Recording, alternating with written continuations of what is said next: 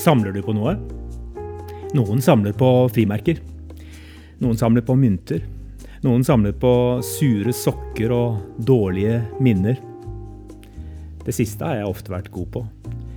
Nå forsøker jeg i stedet å samle på verdifulle menneskemøter. De er mine skatter.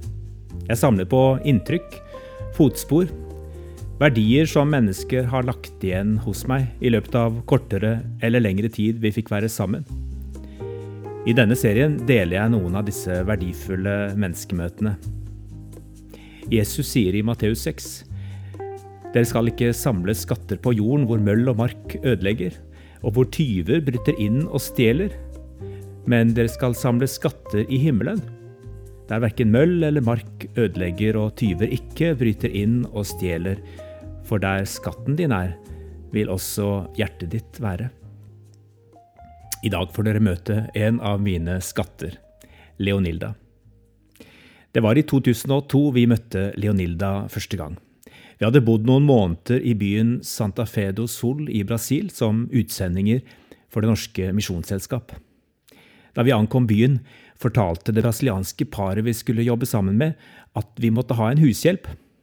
De hadde allerede funnet en de mente egnet seg godt. Vi ble litt overrumpla. Trengte vi hushjelp? Ja, alle de lutherske prestene de kjente, pleide å ha hushjelp. Vi lot oss overtale, ikke minst fordi vi skjønte at vi kunne bidra til å hjelpe en student som trengte en deltidsjobb. Men etter noen få måneder flyttet studenten til en annen by. Og da var det at Leonilda dukket opp på døra vår en dag, på anbefaling fra vår gode nabo Maria. Om det ikke var slik at vi trengte en ny hushjelp, Leonilda hadde vært mange år hos en advokat som nylig var avgått ved døden. Det ble et rart førstemøte som vi ofte lo av senere.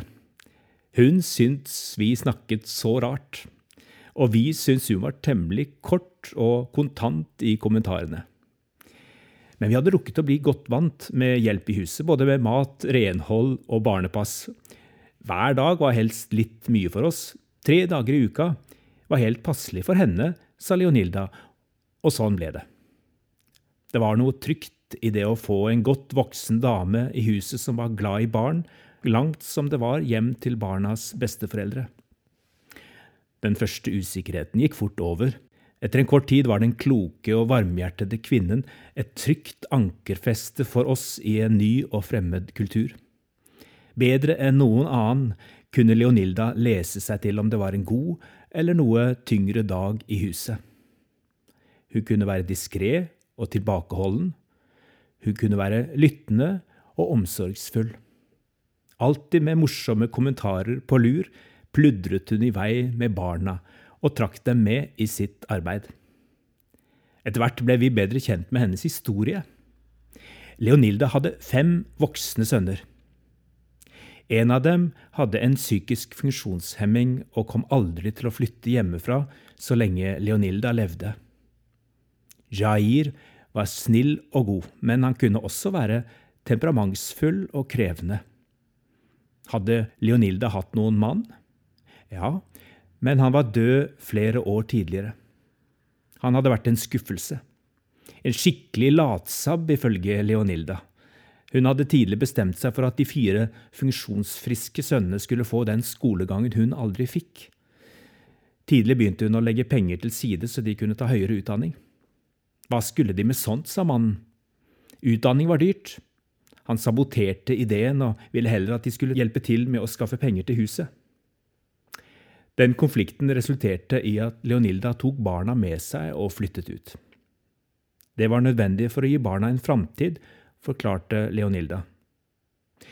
Naboen vår, Maria, kunne likevel fortelle at da mannen til Leonilda ble alvorlig syk, da var det hun som laget mat til ham og stelte for ham helt til han døde. Den eldste sønnen var nå banksjef i en annen delstat.